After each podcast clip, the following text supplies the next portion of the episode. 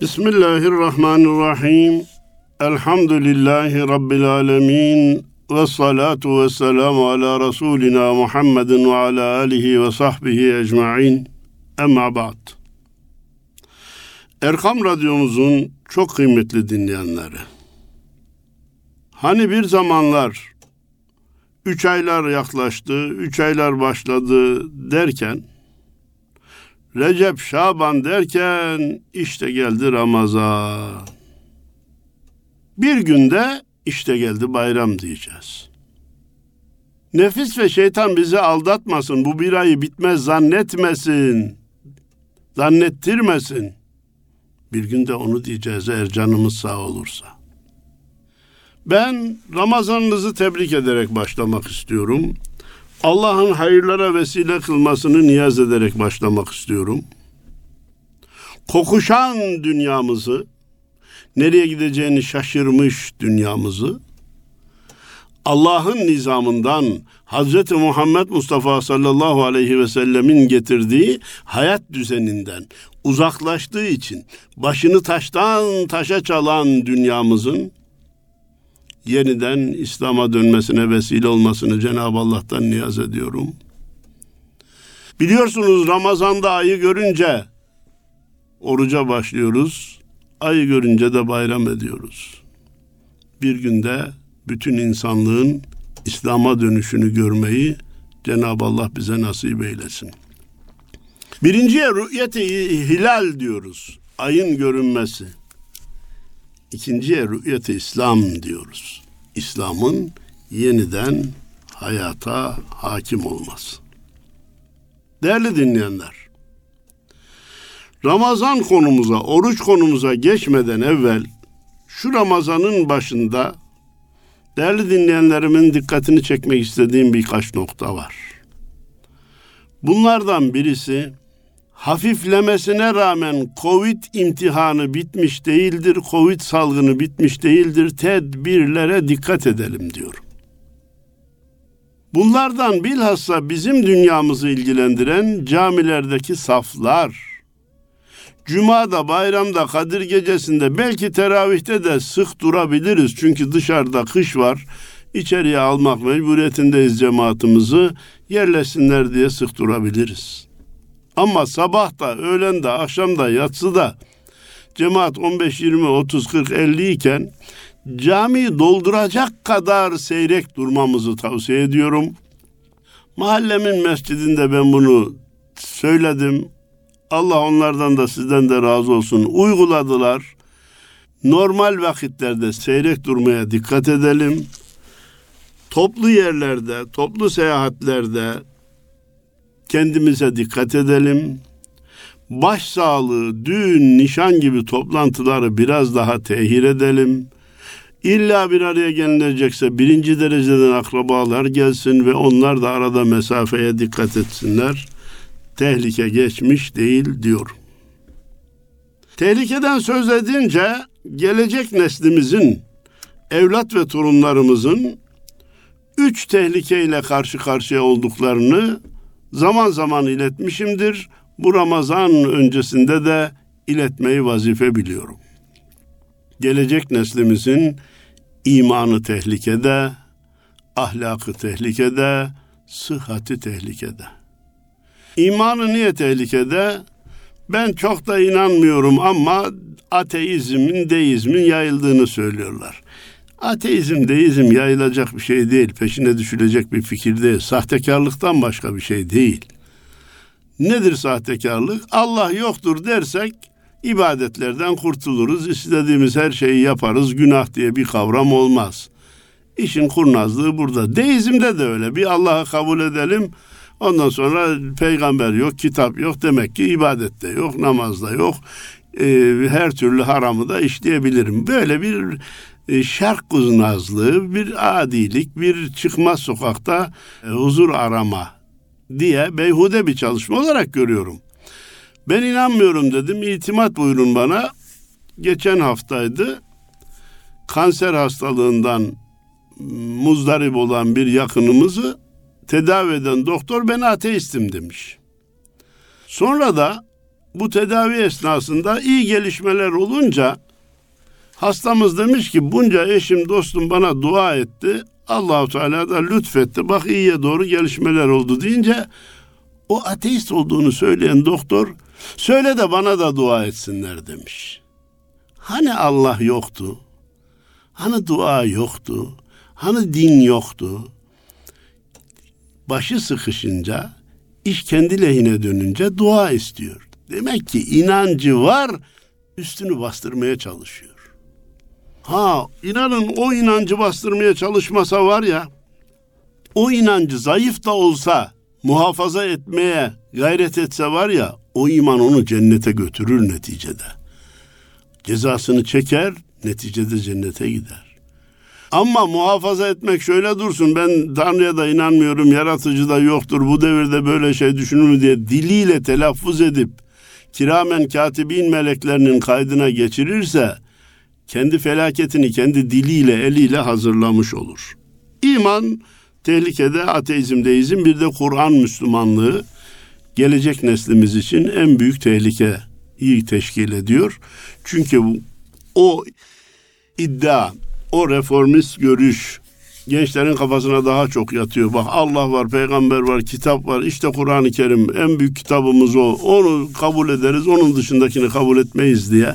Peygamberi ve sünneti dışlayarak bir Müslümanlığın mümkün olacağını zannediyorlar ki böyle iddia edildiği zaman, peygamber dışlandığı zaman dinden çıkar tevbe istiğfar ederse kurtulur. O ayrı bir şey. Tevbe istiğfar ederse kurtulur. Tevbe kapısını biz kimseye kapatamayız. Ama tevbe etmek de kolay değil. Yapılan tevbenin kabulü de garanti değil. Efendim iman bu üç şeyden dolayı tehlikede dedik. Ateizm, deizm, Kur'an Müslümanlığı. Ahlak tehlikede okullarda aklımıza hayalimize gelmeyen şeylerin söylendiği kulağımıza kadar geliyor, inanamıyoruz.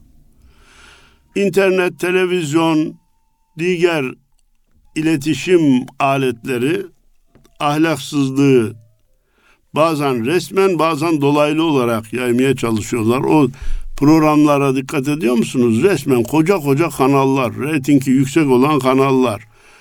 Fatma Ahmet'e kaçtı. Hatice falanla şu kadar kaldı.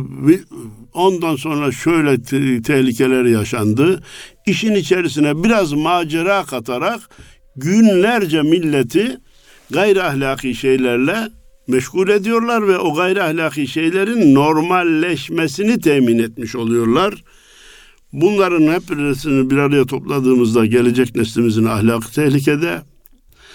Gıdalar, yiyecek olarak kullandığımız şeyler, kirli hava, radyasyon ve uzun süre kablosuz internet ortamında kalma da gelecek neslimizin sıhhatini tehdit eden büyük büyük tehlikelerdir.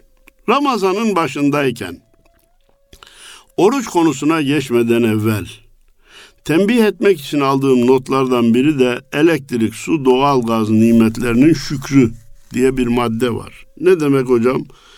Elektriğe nasıl şükredeceğiz? Ampulün altında oturup dua ederek mi? Suya nasıl şükredeceğiz? Musluğu açıp su akarken dua ederek mi?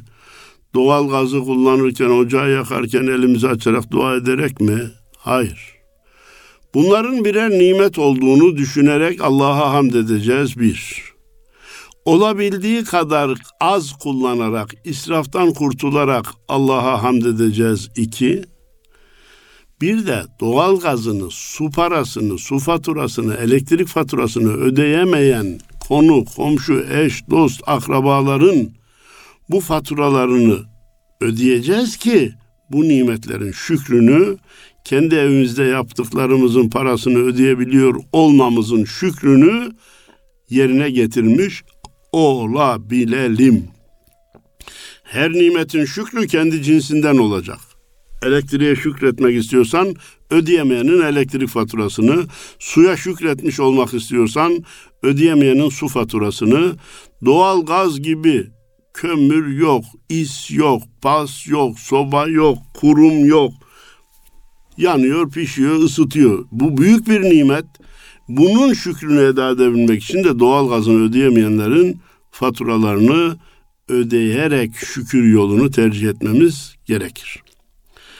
Ramazan yaklaşınca bazı dostların rahatsızlığı aklına düşer. Midem kazınıyor, tansiyonum biraz yüksek, bende şeker var. Nedir?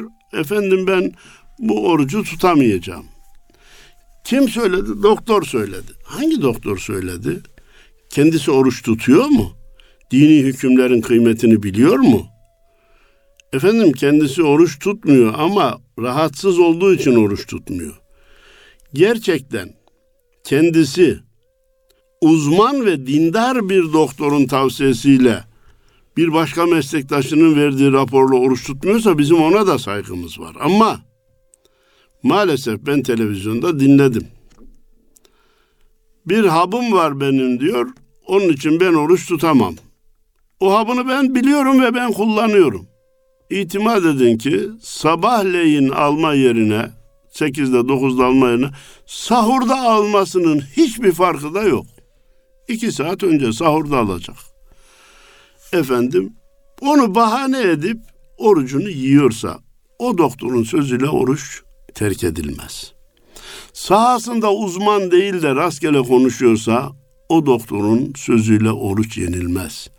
Siz pratisyen bir doktorun sözüyle veya mide uzmanı bir doktorun sözüyle bel fıtığından ameliyata razı olur musunuz? Bel fıtığı ortopedist veya beyin uzmanı beyinle ilgili uzmanın sözüyle siz midenizden ameliyat olur musunuz? Anjiyo yaptırır mısınız? Kalp anjiyosu yaptırır mısınız? Yok. Dersiniz ki hoca sağ ol. Sen bir fikir söylüyorsun ama senin sahan beyin ile ilgili beyin omurilik e, sahasında çalışmışsın. Ben kalpten rahatsızım, mideden rahatsızım. Bel fıtığından ah senin sahana girer o zaman senin dediğini tutarım. Peki oruç konusunda hem dindar hem uzman olacak. Kendisi de eğer sıhhatinde bir engel yoksa orucunu tutuyor biri olacak ki onun sözüyle oruç yenilebilsin. Oruç yenilmenin de iki şekli var. Ben onu ilerleyen sohbetlerde yine de arz etmeye çalışacağım. Birisi yenilip daha sonra kaza edilmesi. İki, eğer rahatsızlık ömür boyu devam ediyorsa fidyesinin yani her bir gün için bir fıtra verilmesinin dinimizin gösterdiği yol olduğunu çoğunuz biliyorsunuz. Ama benim burada asıl vurgulamak istediğim en küçük bir rahatsızlığı bahane edip de oruç yemeye kimse yol aramasın. Bu doğru bir şey değildir. Bir de geçici rahatsızlıklarda hemen fidye verip kurtulmaya kalkılmasın. O rahatsızlık geçince o orucun kazası gerekir, kaza edilmesi gerekir. Ha bu konuda söz buradayken bir şey daha söylemem gerekiyor. Yaşlı, oruca bülü çağından beri alışmış, hiç orucunu terk etmemiş bazı yaşlılarımız da doktorlar hem uzman hem dindar hem dininin kıymetini biliyor, oruç tutuyor. Bütün titizlikleri üzerinde bulunduran doktorlar diyor ki sen tutmayacaksın Ahmet amca. Fatma nine sen bu orucu tutamazsın bak böbreğin susuz kalır. Ciğerinde şu zarar olur tansiyonun fırlayınca felç eder. Gel tutma. Yok ben şimdiye kadar orucumu yemedim bundan sonra da yemem diye. Gerçekten uzman ve dindar doktorların yemesini tavsiye ettiği halde ısrar edenlerin de davranışlarını doğru bulmuyorum. Evlatlarına da sıkıntı vermesinler. Kendi vücutlarına da sıkıntı vermesinler. Onların tuttuğun, tutmak istediğinde samimiyetleri belli. Ömür boyu tutmuş adam terk etmeyi istemiyor. Benim bir sözümü içinizde hatırlayanlar çıkacaktır. Oruç tutmayan bir insanı ikna ederek oruca başlatmak kolay. Oruca alışmış bir insanı oruca ikna edip de uğraşayım diye orucu yedirmek kolay değil. Orucu tutmaz hale getirmek kolay değil. Orucu terk ettirmek kolay değil. Ben bunu biliyorum ama adam artık felç olmanın sınırına gelmiş. adamın böbrekleri iflas noktasına gelmiş. Ben orucumu terk edemem demesinin de doğru bir şey olmadığı kanaatımı iletmekte fayda görüyorum. Ramazan ve oruç birlik beraberlik duygumuzu artırmalı. Bilhassa dış dünyaya karşı, Türkiye'nin dışarıdaki düşmanlarına karşı, bazı dost görünen düşmanlarına karşı içerideki ihtilafları unutup yek vücut olmamız gerektiğini Ramazan bize telkin ediyor. Oruç bize telkin ediyor. Ramazan oruç günlük bir ibadet değil, bir iklimin oluşmasını temin eden bir bütündür. Ve o iklim Ramazan'da öyle güçlü oluşturulmalıdır ki o güç ile beraber 11 ay daha devam etsin, kendini göstersin. Akrabalar arasında, komşular arasındaki dargınlıkların, küskünlüklerin sona ermesi, partiler, mezhepler, gruplar, hizmet e, ve hizmet şekilleri, meşrep farklılıkları olanlar Ramazan'ın verdiği ibadet, huşu, huzur ikliminde birbirleriyle sarılmalı, birbirini başa tac etmeli. Güneyli, Kuzeyli, Türk, Kürt, Laz, Çerkez gibi ayrımların tamamını terk etmeli ve Ramazan'ın bize nasıl bir kardeşlik getirdiğini bütün dünyaya ispat etmeliyiz.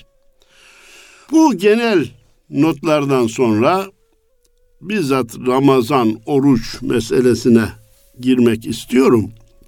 Malumunuz artık bu ayda ve Ramazan'ın başında değerli meslektaşlarımız size tekrarlıya tekrarlıya ezberletecekler. Cenab-ı Allah Estaizu billah Ya eyyühellezine amenu kutibe aleykumus siyamu kema kutibe alellezine min qablikum leallekum tettegûn. Ey iman ederler sizden öncekilere farz kıldığım gibi orucu size de farz kıldım. Umulur ki oruç vasıtasıyla muttakilerden olursunuz buyurmuş. Tamam.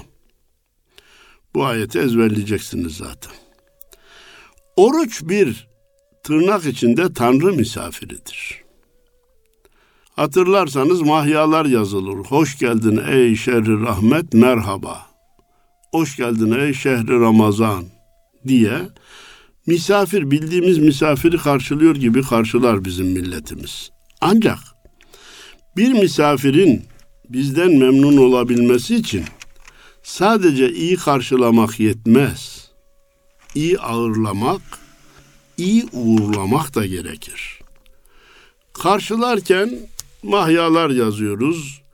Diyelim ki Ramazan'ın başında bir gün, iki gün, üç gün oruç tuttuk. Sonra bir de giderken Kadir Gecesi'nden sonrayı tutalım, geçsin gitsin bizden de memnun olsun. Olmaz böyle bir şey. İyi karşıladığımız gibi iyi de ağırlamamız lazım. Hocam Ramazan'ın ağır, iyi ağırlanması nasıl olacak? Beş vaktimizi zaten kılıyoruz.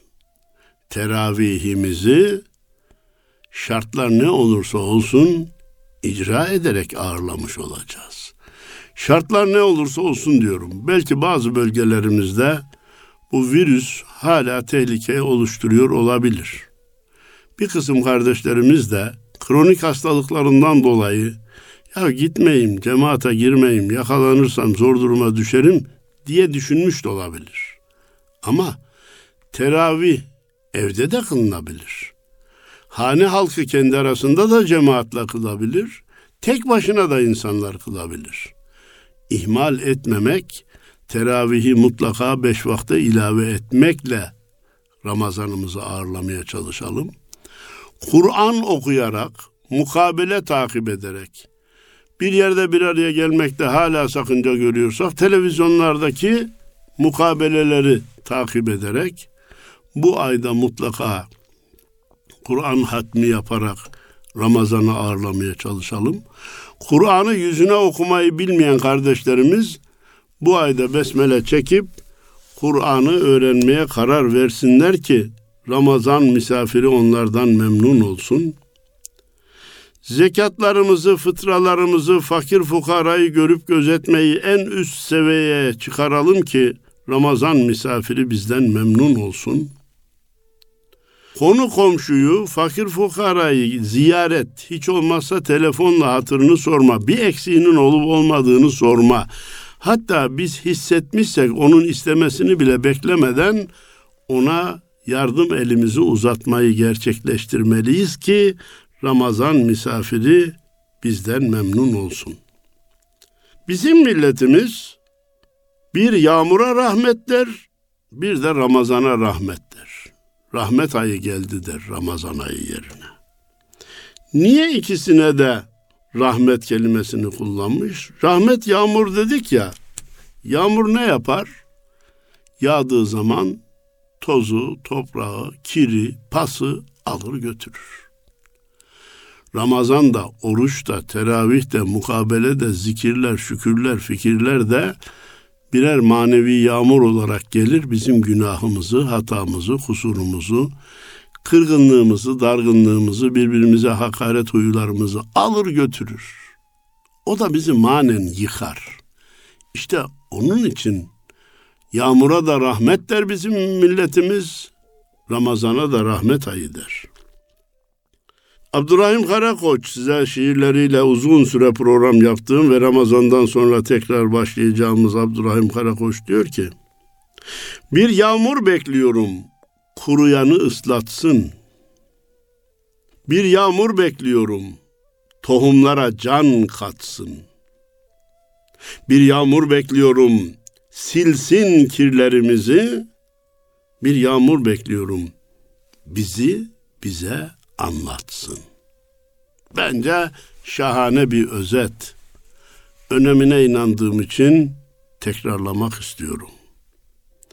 Bir yağmur bekliyorum. Biz de yarın bir gün Allah'ın bize rahmet ve yağmur olarak göndereceği Ramazan'ı bekliyoruz. Ne yapsın o Ramazan? Kuruyanı ıslatsın. Gözlerimiz kuru da ağlamaz olduk. Bir gözyaşı dökebilelim. Ey gönül, madenin ne kadar yufka, ağlamana yeter bir kuş ötüşü diyebilelim. Kuruyanı ıslatsın. Vicdanlar kuruyan merhametsiz insanların merhametlerini yumuşatsın.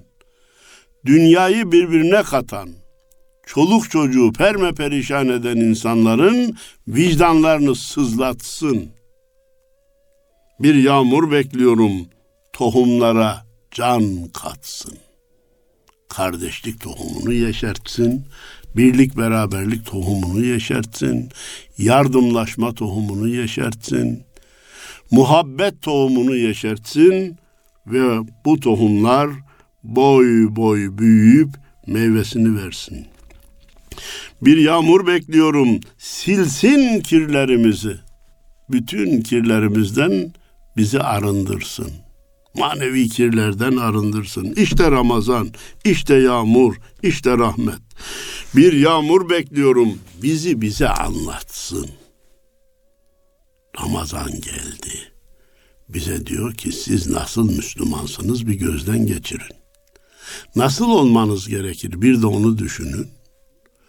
Madem ben gelmişken olmaması gereken huylarınızı terk edin. Olması gereken eksiklerinizi tamamlayın. Kamil bir Müslüman olun da ben giderken sizden memnun olayım diyor. Ramazan temizleyen, arındıran ay. Biraz evvel ayeti kerime okudum. Bakara suresinin 183. ayeti. Estağfirullah. Ya eyyühellezine amenu kutibe aleykumus siyamu kema kutibe alellezine min qablikum leallekum tettegûn. Sizden öncekiler evvela ey iman edenler diye hitap ediyor Cenab-ı Allah. Burada birkaç nükte var. Bir, iman edenlere özel bir hitap kullanarak onlara paye veriyor Cenab-ı Allah. Ey benim sevgili kullarım demektir. Ey iman edenler. Cenab-ı Allah bazen bütün insanlara hitap ediyor. Sizden öncekileri ve sizi yaratan Allah'a kulluk edin derken bütün insanlara hitap ediyor. Bazen de işte oruç, namaz vesaire ibadetler konusunda Müslümanlara özel hitap ediyor. Çünkü gayrimüslim ibadetle mükellef değil. Başka bir tabirle Allah kafirden namaz, oruç, hac, zekat istemiyor. Ya hocam o zaman onlar daha mı çok kolluyor yani? Onları istemiyor, hepsini bizden istiyor. Bu soruyu soranlara ben hep şu cevabı vermişimdir. Çocuklar iki türlüdür. Birisi okula kaydolur, öbürü hiç okula gitmez, mektebe kaydolmaz. Kayıt olmayan rahat oynar. Dersi yok, zili yok, ödevi yok, karnesi yok, yazılısı yok, sözlüsü yok. Yok ama alacağı diploması da yok. İleride kendisine istikbal temin edecek bir belgesi de olmayacak. Okula kaydolanı zil çalmadan önce derse isterler. Sözlü imtihana kaldırırlar, yazılı imtihan yaparlar. Dersine çalışmasını isterler, bilemezse zayıf da verirler. Niye? Çünkü sonunda eline verecekleri bir diploma var. Bu diploma ona nice kapıları açacak. Müslümana Cenab-ı Allah bütün ibadetleri yüklemiş sonunda eline bir belge verecek ve bütün cennet kapıları önüne açılacak. Kafirden ibadet istemiyor. Niye? O imana girmemiş ki, mektebe kaydolmamış ki. Ne isteyecek ondan allah da? Daha Allah'a ve Resulüne inanmamış bir insana namaz kıl denilir mi? Oruç tut denilir mi? Olmaz. Abesle iştigal olur. Onun için Cenab-ı Allah ey iman edenler ibadetleri sizden istiyorum. Burada bir, inananlara bir paye, bir rütbe veriliyor. Cenab-ı Allah'ın hitabına muhatap olma rütbesi. İki, iman etmeden bu işi götüremezsiniz. İman etmeyen bu işi başaramaz.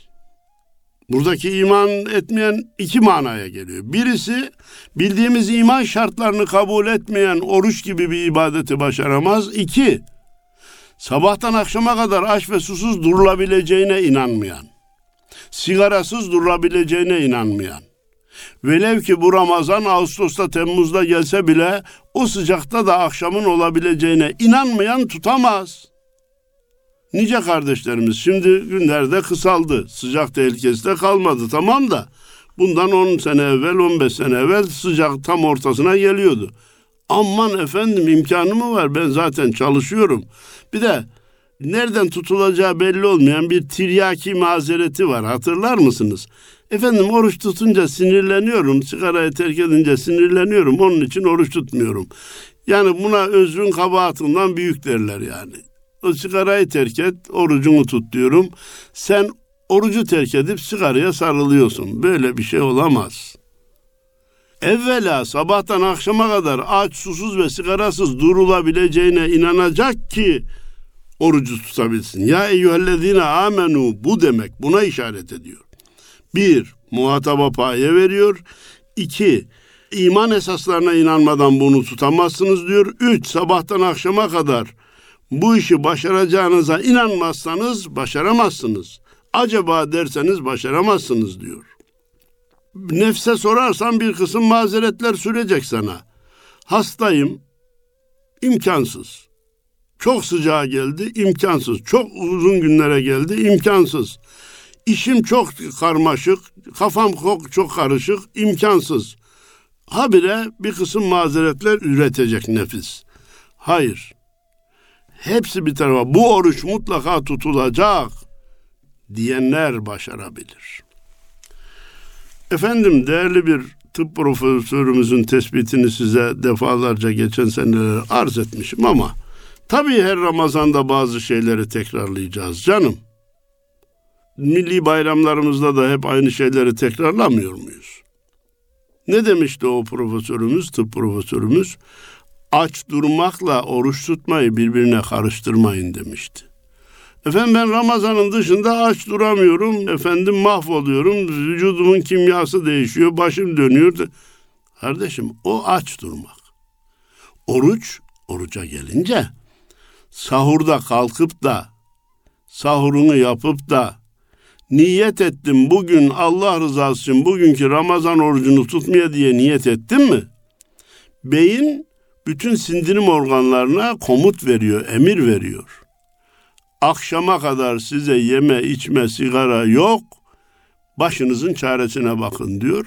Bütün organlar tedbirini ona göre alıyor. Böbrek bile oruçlu insanda farklı, oruçsuz insanda farklı çalışıyor. Karaciğer oruçlu insanda farklı, oruçsuz insanda farklı çalışıyor. Mide oruçlu insanda farklı, oruçsuz insanda farklı çalışıyor. Halep oradaysa arşın burada diye güzel bir sözümüz var. Herkes bunu kendinde deneyebilir. Ramazanın dışında öğlen yemeğe biraz gecikse bir saat, iki saat, üç saat mide sıyrılır, nerede kaldı denilir, birbirimize kızarız, durmakta güçlük çekeriz.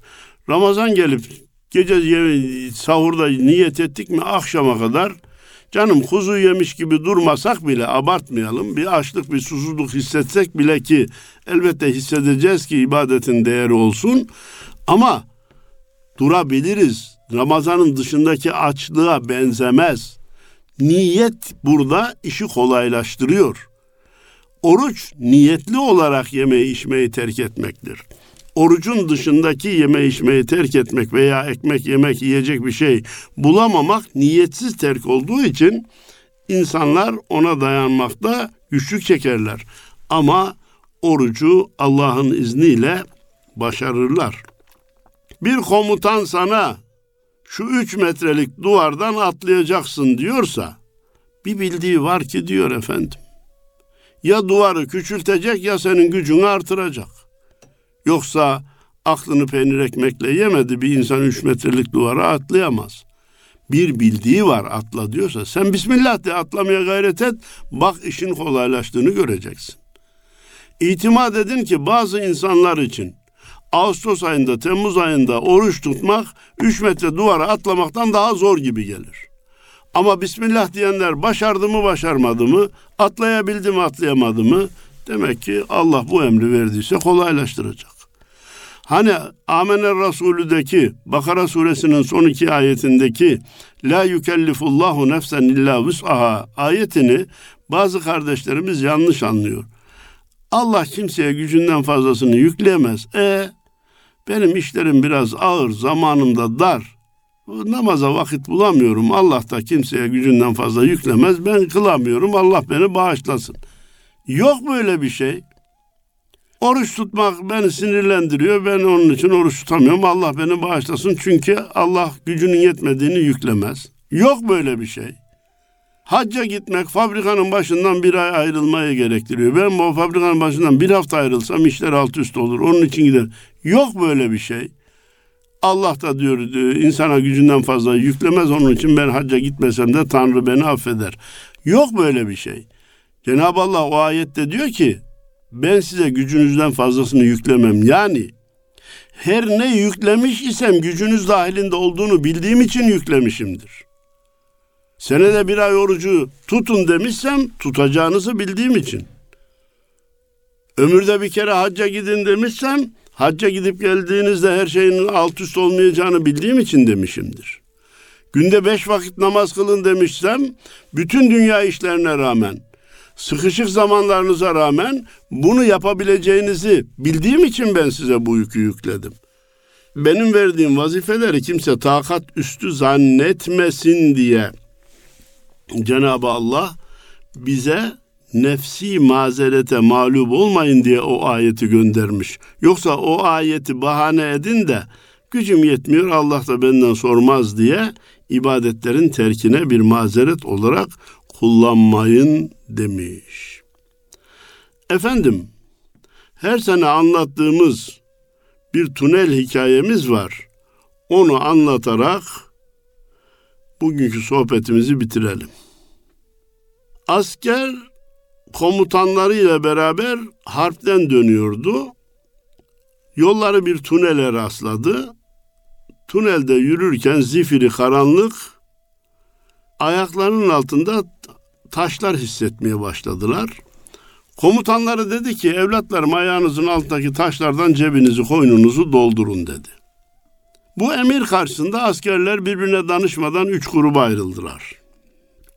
Bir kısmı dedi ki ya bu komutan kafayı mı yedi? Zaten zor şartlarda yürüyoruz. Sırtımızda teçhizat var, yük var. Bir de taş doldurmanın ne gereği var dedi. Hiç almadı. Nasıl olsa karanlık görecek hali yok dedi. İkinci grup asker bir avuç alıp cebime koyayım da dedi. Tünel bitince komutan kontrol ederse benim cebim bu kadar aldı derim kurtulurum dedi. Bir, ceb, bir avuç aldı. Üçüncü grup askerler de dedi ki zor şartlar altında yürüdüğümüzü komutanımız bilmiyor mu? Biliyor. Buna rağmen alın diyorsa var ki bir bildiği alın diyor dedi. Cebini, koynunu, çantasını doldurdu. Ne zaman ki tünel bitti ışığa kavuştular baktılar ki komutanın o çakıl taşı dediği şeyler yakut, zümrüt, inci gibi mücevherat imiş. Hiç almayanlar kafayı taştan taşa vurmuş, az alanlar niye çok almadık diye pişman olmuşlar.